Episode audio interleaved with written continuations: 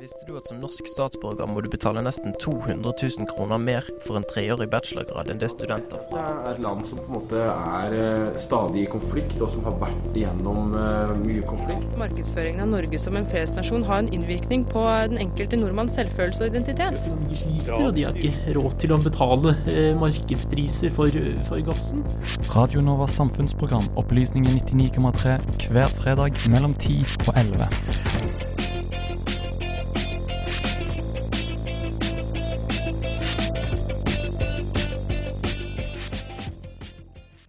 I dag er den internasjonale kvinnedagen, og i den anledning er mange opptatt av å hedre tidligere feminister og foregangskvinner. Camilla Collett er den som regnes for å være Norges første feminist. Hvem var hun, og hvorfor var hennes arbeid så viktig? Begrepet terp, terf skaper mye rabalder, kanskje spesielt hos feminister og andre i LGBTQ pluss-bevegelsen. Men hva betyr begrepet? Vi får svar i ukens opplysning. I 1994 ble Rwanda rammet av folkemord, og millioner av folk eh, eh, kom på flukt. Men i dag er det et velfungerende land, og de siste ti årene har de opplevd god økonomisk vekst. Og visste du at eh, landet er et av verdens eh, steder der det er sterkest representasjon av kvinner i maktposisjoner at i stedet for å bli bare en nyere versjon av Kyoto, så vil det kanskje være det man kaller for en balansert pakke. Men eh, vi vet at eh, før eller senere, for det er såpass mange av disse legemene, så er det en med adresse jorden. Og når det skjer, så bør vi være forberedt phrase they always use is "gai bian ming yun," which means change your fate. You know, and they say, "I don't want to be a farmer like my parents." Jeg tror jo at uh, internasjonal militær nærvære i de åtte og et halvt årene i Afghanistan, faktisk har de første og fremste til der. Opplysningen 99,3 på Radio Nova. Hei, og velkommen til denne ukens Opplysningen 99,3 her på Radio Nova. Jeg heter Maria Kruse og i studio har jeg med meg Julia. Ja. Hei, hei. Uh, I dag handler det om uh, I dag er det selveste kvinnedagen, og noe vi ønsker å markere, nødvendigvis. Um, med ulike innslag uh, med link til kvinner og kjønn. vi skal annet ta opp begrepet terf, terf og høre om kvinner i Rwanda. Men først skal vi høre om kvinnedagen gjennom tidene ved Magnus.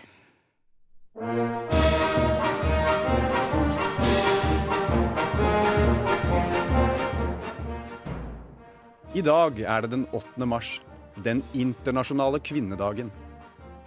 Dette er en dag mange bruker til å vise hvor mye de setter pris på kvinnene i sitt liv. Men mest av alt er det en dag til å feire hvor langt vi har kommet i kampen for kvinners rettigheter, og en dag til å minne oss på at kampen ennå ikke er over. Kvinners rettigheter skiller seg fra generelle menneskerettigheter ved å peke på nedarvede historiske og tradisjonelle fordommer mot kvinner og jenter. Disse rettighetene har hovedsakelig omfattet retten til selvbestemmelse over egen kropp, retten til å avgi stemme ved politiske valg, inneha offentlige stillinger og inngå i juridiske avtaler, retten til egen eiendom, utdanning og deltakelse i arbeidslivet, rettigheter overfor ektefelle og foreldre, og innen religion. I dag er dette på ingen måte en omfattende liste, og man trenger kun ta en kjapp titt på årets kvinnedagsparoler for å se at det har blitt en begivenhet for å vise engasjement og solidaritet for en rekke saker og grupper som anses for å lide under lignende fordommer som kvinner historisk har måttet kjempe mot. Denne kampen har en lang historie, som jeg dessverre må innrømme jeg kan altfor lite om. Så jeg vil heller nøye meg med å bruke denne anledningen til å se på historien til selve kvinnedagen, og få en oppdatering på hvordan kvinners rettigheter står til i verden i dag.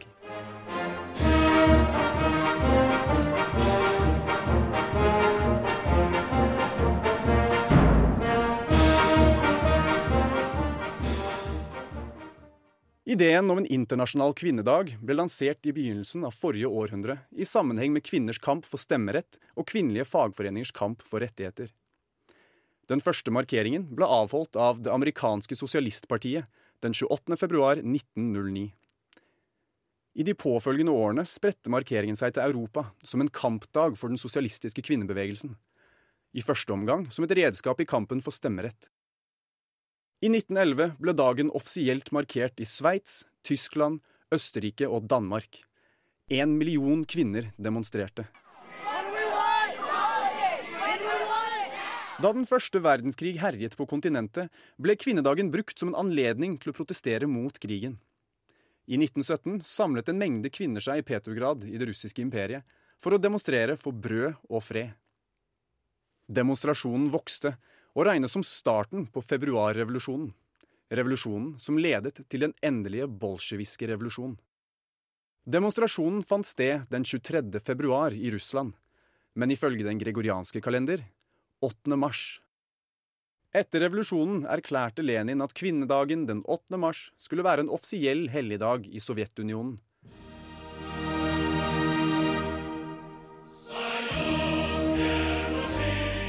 I årene som fulgte, hadde kvinnedagen en sterk tilknytning til kommunismen. Etter Folkerepublikken Kina ble grunnlagt i 1949, erklærte også Mao dagen for en ny helligdag, og alle kvinner skulle få en halv dag fri. Av landene som har offisielle feiringer av kvinnedagen i dag, er majoriteten tidligere sovjetstater. Men formen på feiringen er ofte mer lik måten vi feirer morsdag eller valentinsdag her i Norge. I Russland er det f.eks. vanlig på kvinnedagen å gi gule mimosablomster og sjokolade i gave til kvinner. Tross sin tilknytning til kommunismen i begynnelsen av den kalde krigen, ble kvinnedagen fortsatt brukt som en markering i Vestens kamp for kvinners rettigheter. Og i 1977 erklærte generalforsamlingen i FN 8. mars den internasjonale kvinnedagen. Den originale kjernesaken i kvinnekampen, stemmeretten, ble vunnet i mesteparten av verden i løpet av 1900-tallet. I Norge i 1913, Tyskland i 1918, USA i 1920 og Frankrike i 1944, for å nevne noen få. Siden den første kvinnedagsmarkeringen for over 100 år siden har kampen for kvinners rettigheter kommet en enormt lang vei, spesielt i Norge. Og da er det vel enda viktigere å fremheve hvor mye arbeid som fortsatt gjenstår i store deler av verden. De følgende tallene er valgt vilkårlig fra FN sine nettsider. I 18 land kan ektefeller lovlig hindre konene sine fra å jobbe. I 39 land har ikke sønner og døtre like arverettigheter. 49 land mangler lovverk som beskytter kvinner i hjemmet. Noen av tallene viser til forbedringer på visse felt. Andelen jenter mellom 15 og 19 år utsatt for kjønnslemlestelse i de 30 landene det praktiseres, har gått ned fra én av to jenter i år 2000 til én av tre i 2017. Andelen kvinner i Nord-Afrika i betalt arbeid utenfor jordbrukssektoren har økt fra 35% i 1990 til 41% i 2015. I Sør-Asia har sjansen for at barn giftes bort gått ned med 40% siden år 2000. På tross av noen forbedringer er det tydelig at det fortsatt er mye som må gjøres for å sikre kvinners rettigheter i verden. Så på denne kvinnedagen har jeg personlig tenkt til å se på landet som tilsynelatende har kommet lengst i kvinnekampen, og tenke på hvordan vi best kan hjelpe andre med å få til det samme. Og kanskje, om jeg føler meg litt russisk, finner jeg tid til å dele ut litt mimosa og sjokolade.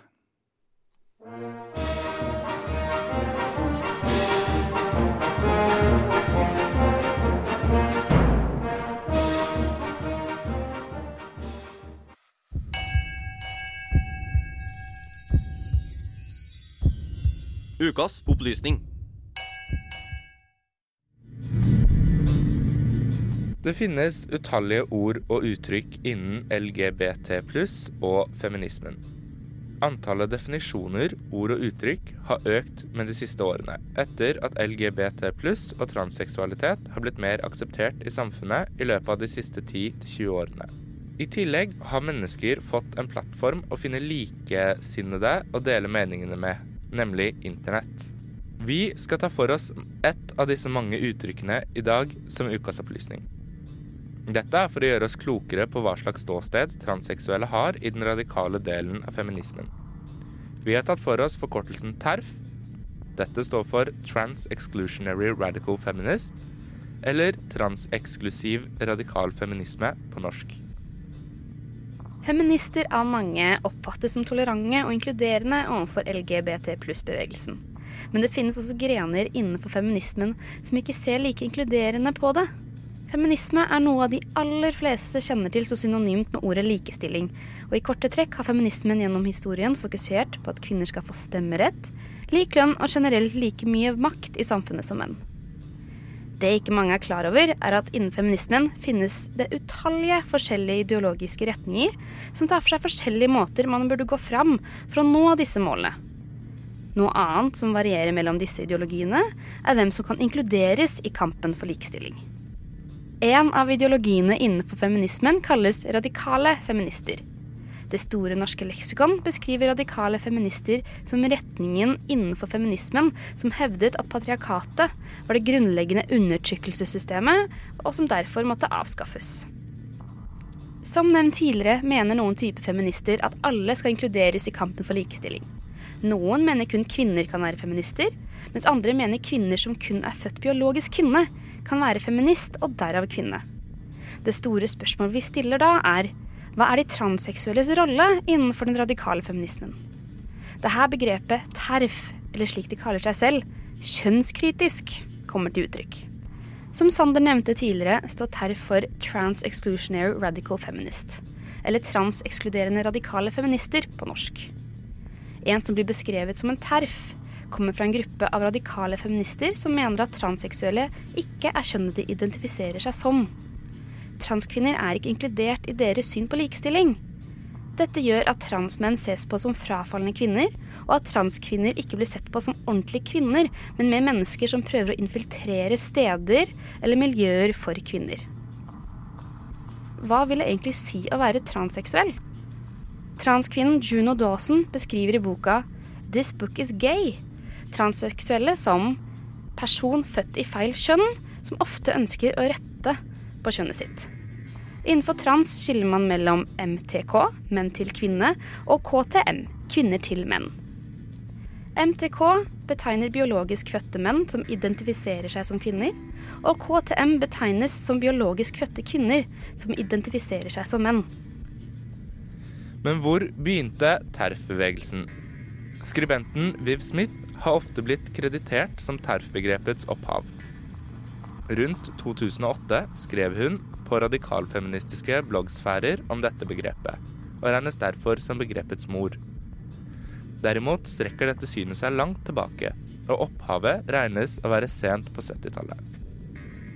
Feministen Rannis Raymond er av mange regnet som opphavet til tankene TERF baserer seg på. I 1979 skrev hun boka The Transsexual Empire – The Making of the Shemale, der hun argumenterte for at de transseksuelle viderefører tankene om at en kvinne er noe annet enn et biologisk kjønn.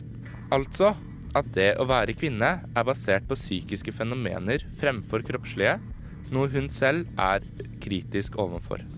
Julie Bindel støttet også opp om tanken om at kjønn var noe man ble sosialisert til. Altså noe man lærte gjennom oppveksten, og at disse ideene undertrykket kvinner. I 2004 skrev hun i The Guardian at hun selv ikke hadde et problem med menn som kvittet seg med sine kjønnsorganer, men mente at dette ikke gjorde dem til kvinner. Og hun sammenlignet det med å putte en støvsugerslange ned i buksa, og at dette ikke gjorde deg til en mann. Selv om TERF-begrepet er veldig ungt, har bevegelsen opphav fra 70-tallet og baserer seg i tillegg på grunnleggende feministiske ideer om kjønn som sosialt konstruert. De som kaller seg selv radikale feminister som er kjønnskritiske, mener altså at det ikke er mulig å skifte kjønn. Derfor kan ikke en transseksuell kvinne være en ekte kvinne, ettersom hun er født som mann. I deres øyne er du enten født mann eller kvinne. De kjønnskritiske spesifiserer ofte at de er imot vold og diskriminering av transseksuelle. De mener at transseksuelle skal kunne leve slik de vil og kle seg slik de vil, men at de ikke er kvinner. Men fordi flere feministiske ideologier har et ulikt syn på kjønn, oppstår det ofte konflikt om hva som oppleves som diskriminerende og ikke. Det kan oppleves nedverdigende for transseksuelle kvinner at noen innenfor det feministiske miljøet mener hun ikke er kvinne, selv om hun føler seg som det, eller biologisk opererer seg til det. Det er flere kjente norske offentlige kvinner som har blitt beskrevet som TERF eller kjønnskritisk. Disse har vært åpne i flere store aviser om at de er motstander av juridisk skifte av kjønn, av at transkvinner skal få benytte dametoaletter, og generelt negative til at transpersoner i økende grad søker helsehjelp. Det er viktig å understreke at TERF, eller kjønnskritiske, ikke nødvendigvis er transfobe. Derimot mener de at transseksuelle bidrar med å videreføre tradisjoner om at kjønn ikke er biologisk konstruert, men derimot er sosialt konstruert. Dette vil si at de er imot at det å være kvinne handler om en type personlighet. De mener altså at en kvinne kan ha utallige forskjellige mulige personligheter, men bare én type kropp. Ikke én type personlighet og utallige forskjellige mulige kropper. Likevel føler mange transseksuelle at de ikke blir anerkjent som menneskene de er av denne type feminister, og at problematikk omkring transseksuelle ikke får en plass i debatten. De føler også at de ofte kan bli angrepet fordi de ikke har kunnskap om hva det vil si å være kvinner.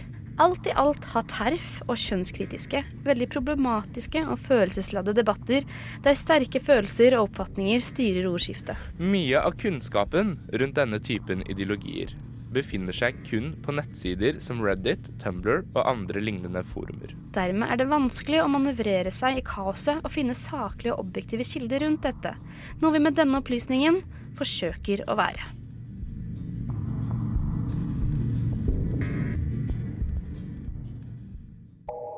Det er jo klart for de fleste at noe, noe er galt med verdensøkonomien. Alvorlig galt. First thing I, I went into prison, a young man, and I got out of it a very old man. Du hører på Opplysningen 99,3 på Radio Nova. Det østafrikanske landet Rwanda er et av verdens mest likestilte land hva gjelder politisk representasjon. Der to av tre kvinner, der to av tre er kvinner i parlamentet. Hvorfor det er slik, skal vi høre mer om i dette innslaget laget av Sander og Julie.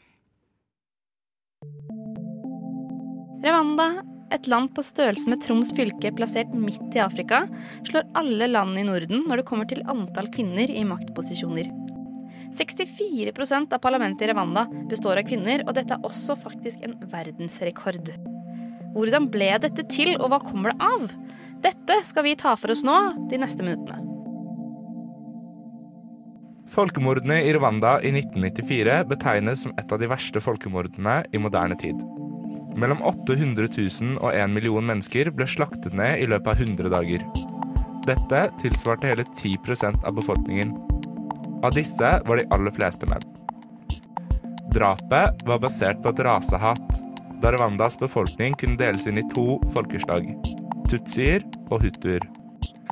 Rwanda sitt folk ble først delt i kolonitiden av tyskere og belgere, da 1000 ble ansett for å være etterkommere av en overlegen arisk rase. Dette grunnet et mer europeisk utseende og lysere hud. Tutsiene ble dermed valgt som samarbeidspartnere under kolonitiden, og det har siden den gang vært stor spenning mellom folkeslagene. Utfordringene med å skape forsoning etter folkemordet har vært massive, men det har skjedd en god utvikling. Et rettsoppgjør ble gjennomført uten vold og store protester. Etter folkemordet var 70% av landets befolkning kvinner. Dette førte til at mange arbeidsplasser i mannsdominerte yrker sto ledige. Landets befolkning har flere kvinner enn menn. Derfor er det vanskeligere å ignorere oss. Dette er et direkte sitat fra den rwanske kvinnen Mukantabana, som ble intervjuet av bistandsaktuelt.no. Presidenten Kagame måtte ta tak, da flere lover og regler fortsatt gjorde det vanskelig for kvinner å bidra i samfunnet. Rwanda avskaffet foreldrede patriarkalske lover som fremdeles gjelder i mange afrikanske land. Dette gjelder en rekke lover som skal sikre kvinners tilgang til jord, eierskapsrettigheter ved skilsmisse, utdanning, helsehjelp og tilgang til kreditt. I tillegg til dette har parlamentet også vedtatt lover som har som formål å sette en stopper for familievold og misbruk av barn. I 2003 iverksatte Kagame en kvinnekvote i parlamentet. Parlamentet i Rwanda er et tokammersystem som består av et underhus med 80 seter og et overhus med 26 seter. I underhuset ble 30% av setene reservert til kvinner, som velges av en valgkomité. Resten av setene velges av folket. Dette har ført til at 64% av parlamentet er damer i dag. Siden massemordet og den nye regjeringen i 2003 har landet hatt en positiv utvikling innenfor mange sektorer. Korrupsjonen har gått betraktelig ned, og befolkningen er nå stolte over å ikke ha et korrupt trafikkvesen. Turismen har også økt betraktelig. Befolkningsveksten har gått ned, samtidig som levestandarden har gått opp. Dessverre føler fortsatt mange rwandiske kvinner at likestillingen ikke har kommet like langt som tallene tilsier.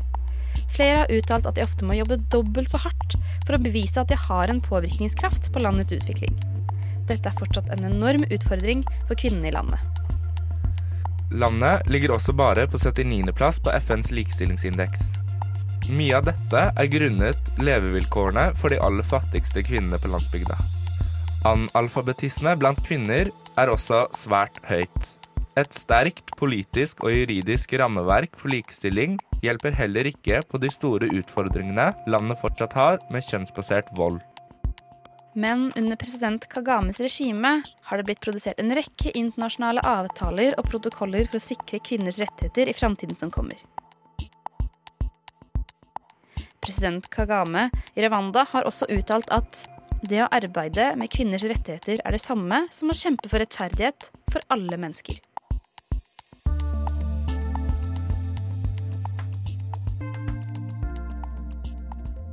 Visste du at som norsk statsborger må du betale nesten 200 000 kroner mer for en treårig bachelorgrad enn det studenter Det er et land som på en måte er eh, stadig i konflikt, og som har vært igjennom eh, mye konflikt. Markedsføringen av Norge som en fredsnasjon har en innvirkning på den enkelte nordmanns selvfølelse og identitet. De sliter, og de har ikke råd til å betale eh, markedspriser for, for gassen.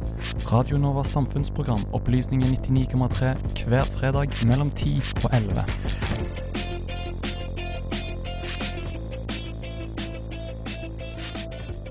Men over til Camilla Collett. Hun ble født i 1813 og regnes av mange for å være Norges første feminist. Hun var pioner innenfor litteraturen og innenfor kvinnesak på sin tid. Hvem var hun, og hvorfor ble hun kvinnesakskvinne? Vi er så heldige i dag å ha med oss Marius Wulfsberg, forskningsbibliotekar ved Nasjonalbiblioteket, for å få svar på noe av dette. Velkommen til deg. Tusen takk. Eh, vil du først eh, si noe om Camilla Collets bakgrunn? Det kan jeg gjøre. Hun eh, var datteren til Nikolai Wergeland, eh, som var en av grunnlovsmennene på Eidsvoll i 1814. Hun vokste opp i en søskenflokk hvor eldstebroren Henrik Wergeland er den mest kjente. Og så tok hun utdannelse. Faren fikk henne til å ta utdannelse som ung. Og i 1830 så var hun 16 år og hørte stemmen til Johan Sebastian Welhaven og forelsket seg i ham. Eh, og skrev en fl rekke flotte dagbøker og brev, og det ble sånn kjærlighetsintrige hvor det med mye dansing og kanskje litt flørt, men på 1800-tallets sømmelige vis. Eh, eh, og dette eh, kjærlighetsforholdet, denne forelskelsen, utmattet henne nærmest. Så dro hun til Hamburg i 1837 for å legge dette, denne forelskelsen bak seg Oi. og starte et nytt kapittel i livet. Men eh, hva slags utdannelse var det hun fikk? Jeg er litt usikker, for hun gikk på noe som het Jomfru Faros pikeskole her i Oslo, eller Kristiania. Eh, Den har jeg funnet veldig få opplysninger om, men hun gikk på skole. Det gikk også, der møtte hun også det som skulle bli hennes venninne, eh, Emilie Dirix. Så jeg vil tro eh, språk, eh, litteratur, historie.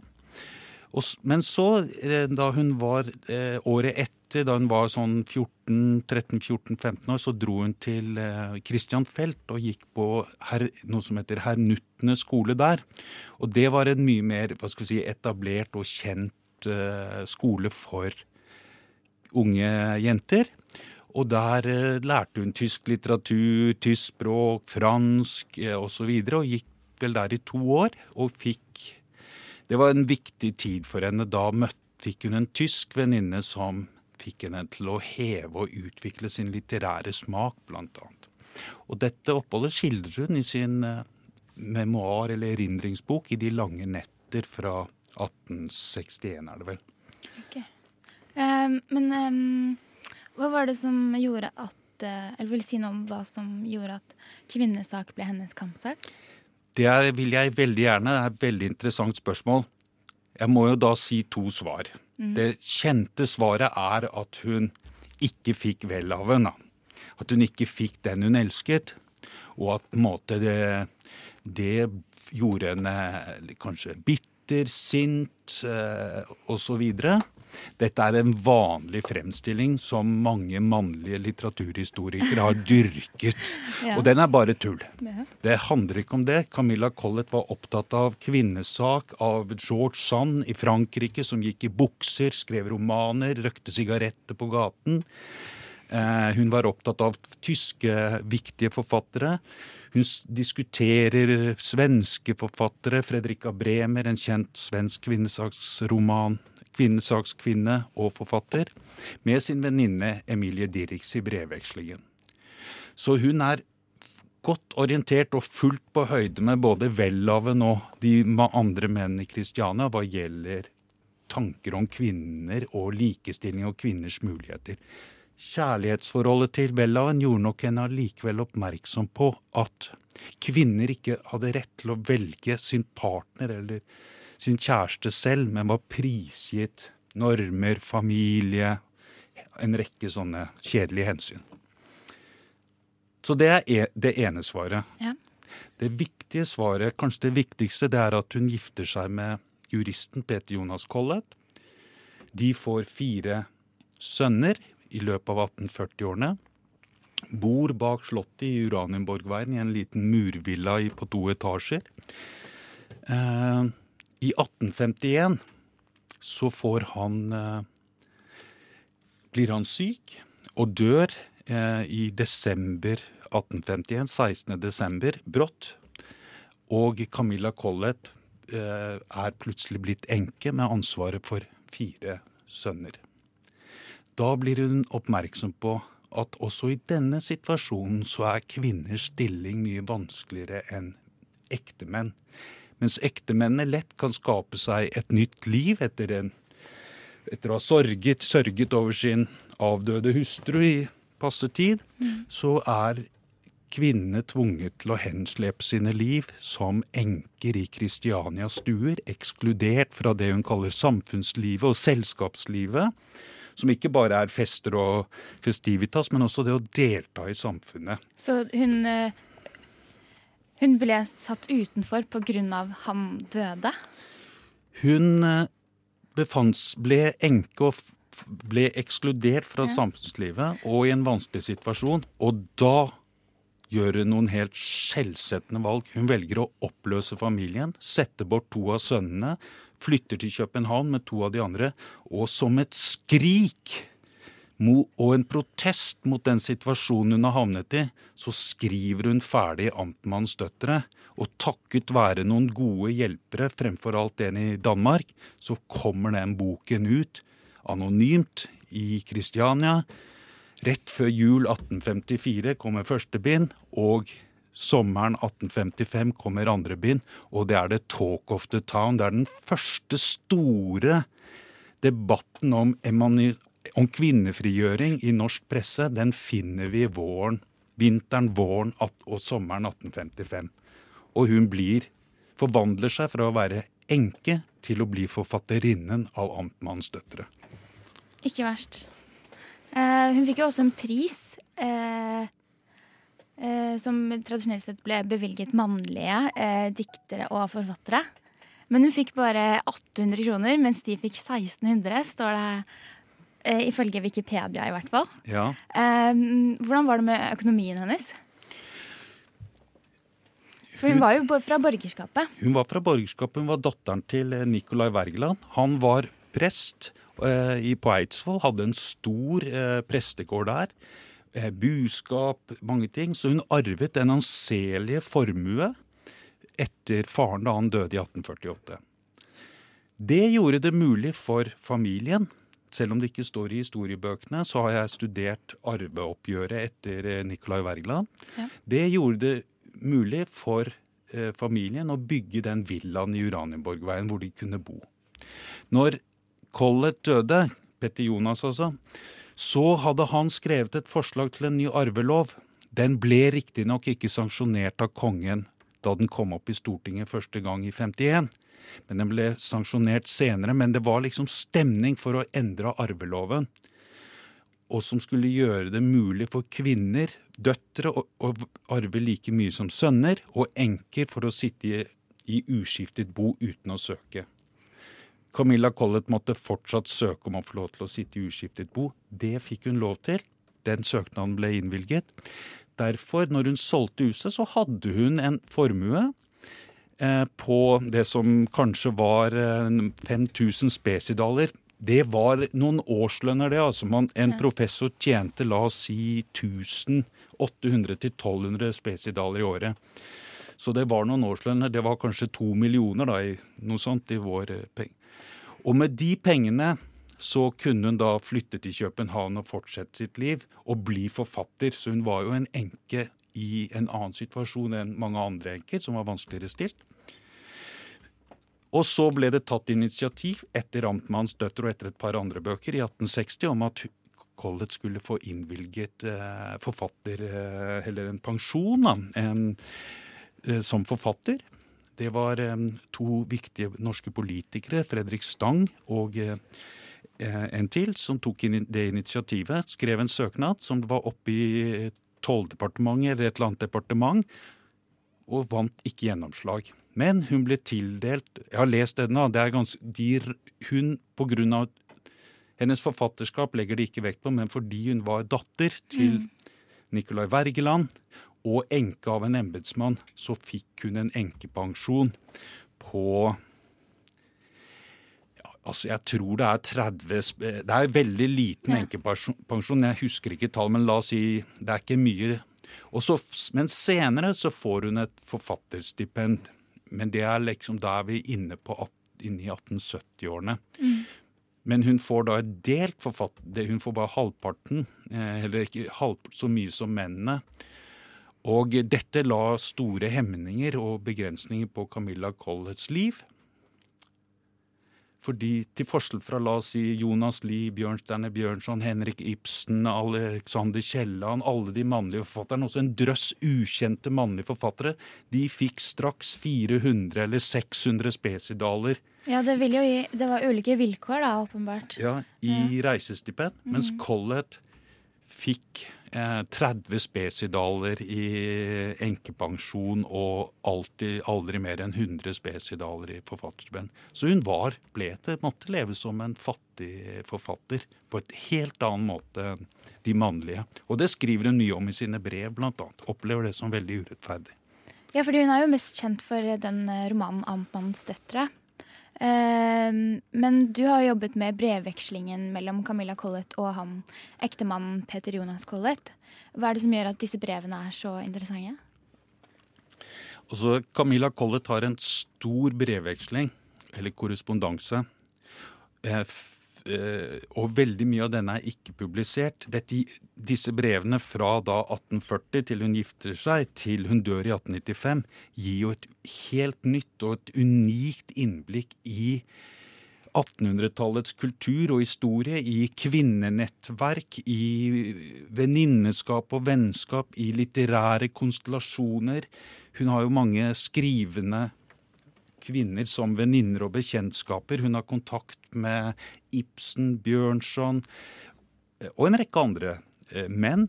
Så dette er et unikt materiale for å si noe nytt, eller si noe om en kvinnelig forfatters eh, muligheter på 1800-tallet, og av 1800-tallets eh, Norge og Europa sett fra en kvinnelig forfatters ståsted og synsvinkel. Um, hva var Det står Eller um, Vil du si noe om romanen 'Amtmannens døtre', siden den på en måte er det, det som ofte er det mest sentrale i hennes forfatterskap? Sånn, hvorfor er det en feministisk roman? Kan man kalle det for en feministisk roman, f.eks.? Det kan man gjøre fordi der skildrer hun jo nettopp eh, en eh, Altså eh, Sofie Ramm, da. Muligheter til å få den mannen hun elsker. Georg Kolt, en huslærer som kommer til deres sted, da, gård hos amtmannen. Og eh, de to blir eh, forelsket eh, intenst. Men pga. misforståelser så vender hun ryggen til ham. Hun tror at han har sveket ham, men han har bare vært høflig i en samtale for ikke å liksom røpe deres forelskelse for en god venn. Det blir misforståelse som aldri oppklares, og så isteden så blir hun takket være sin kjærlige mor og andre kvinner sluset inn i et ulykkelig ekteskap med en eh, gammel prest, som heldigvis har en datter som hun kan ta seg av. fra og dessuten, som en av kritikerne påpekte, litt skog. Så, og da går hun jo til grunne. Hun svimer av idet hun tar på seg bryllupskjolen, og Collett maler dette ut. da. Så det er jo en fryktelig spark mot ekteskapet. Det er jo en kritikk av det bestående ekteskap. Selve institusjonen i det patriarkalske samfunnet. Fordi det gjør at mannen kan tilrane seg hustruens eiendom. Mm. for nå å være litt krass. og det var det, den kritikken kritikerne i Norge ikke kunne tolerere eller akseptere og gikk til felts mot i denne debatten jeg nevnte i norsk presse på uh, våren 1855. Tusen takk for at du var eh, hos oss i dag, Marius Wulfsberg. Forskningsbibliotekar ved Nasjonalbiblioteket. Lærte oss litt mer om Camilla Collett. Takk skal du ha. En feriestasjon har en innvirkning på den enkelte nordmanns selvfølelse og identitet. De sliter, og de har ikke råd til å betale eh, markedspriser for, for, gassen. Akkurat nå hører du på Radio Novas samfunns- og aktualitetsmagasin, Opplysningen 99,3.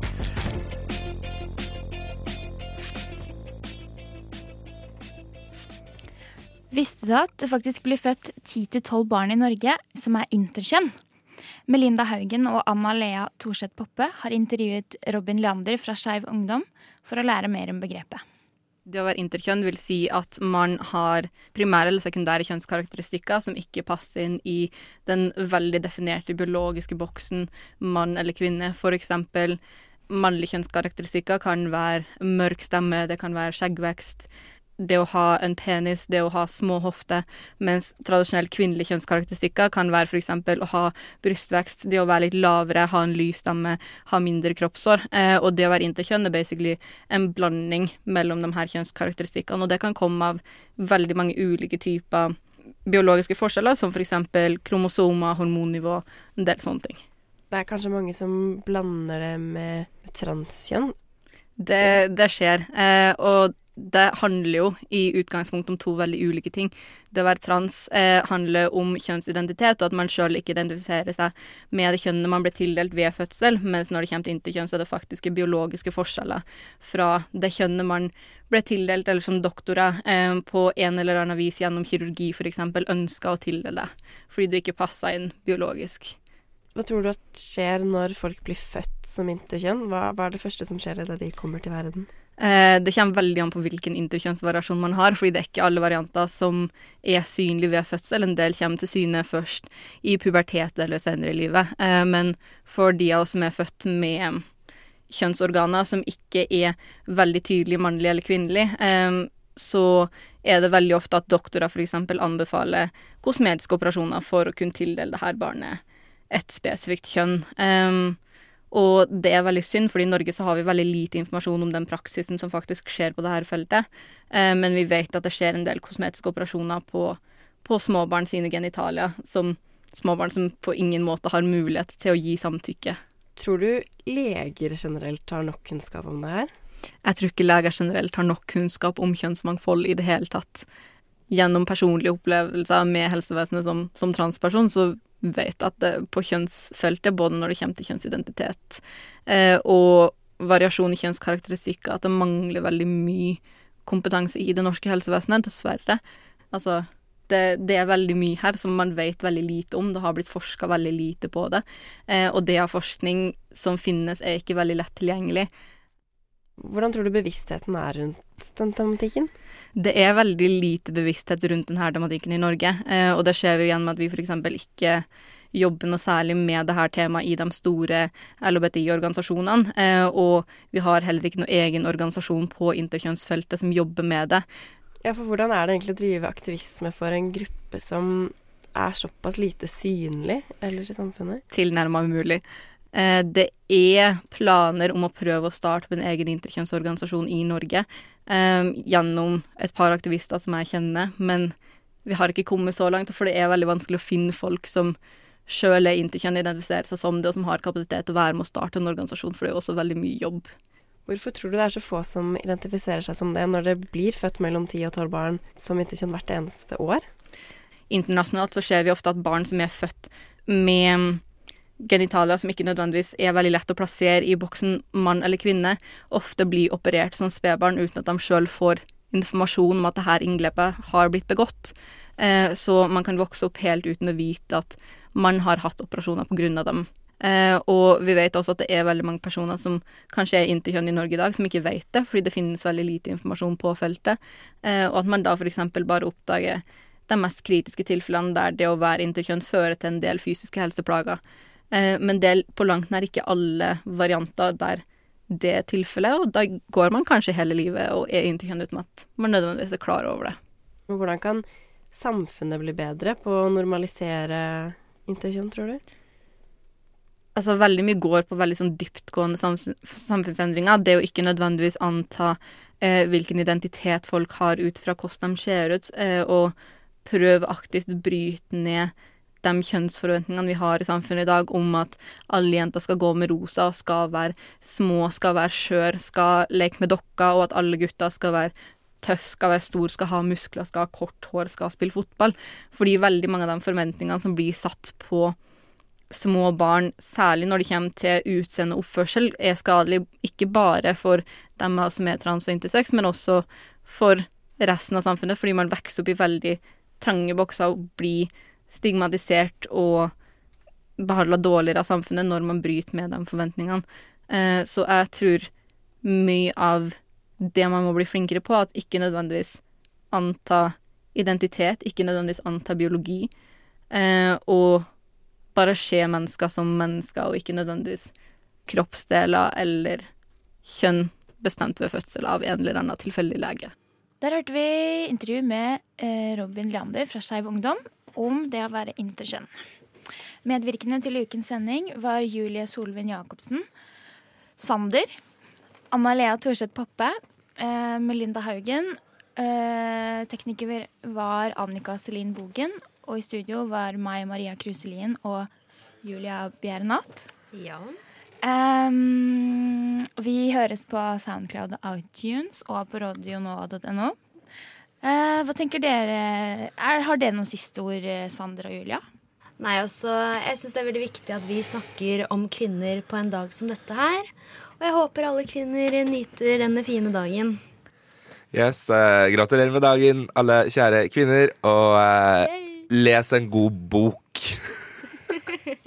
Da må jeg avslutte med å si one love, fred ut fra opplysningen, og ha god kvinnedag, alle sammen. Lyssna istället till Radio Nova.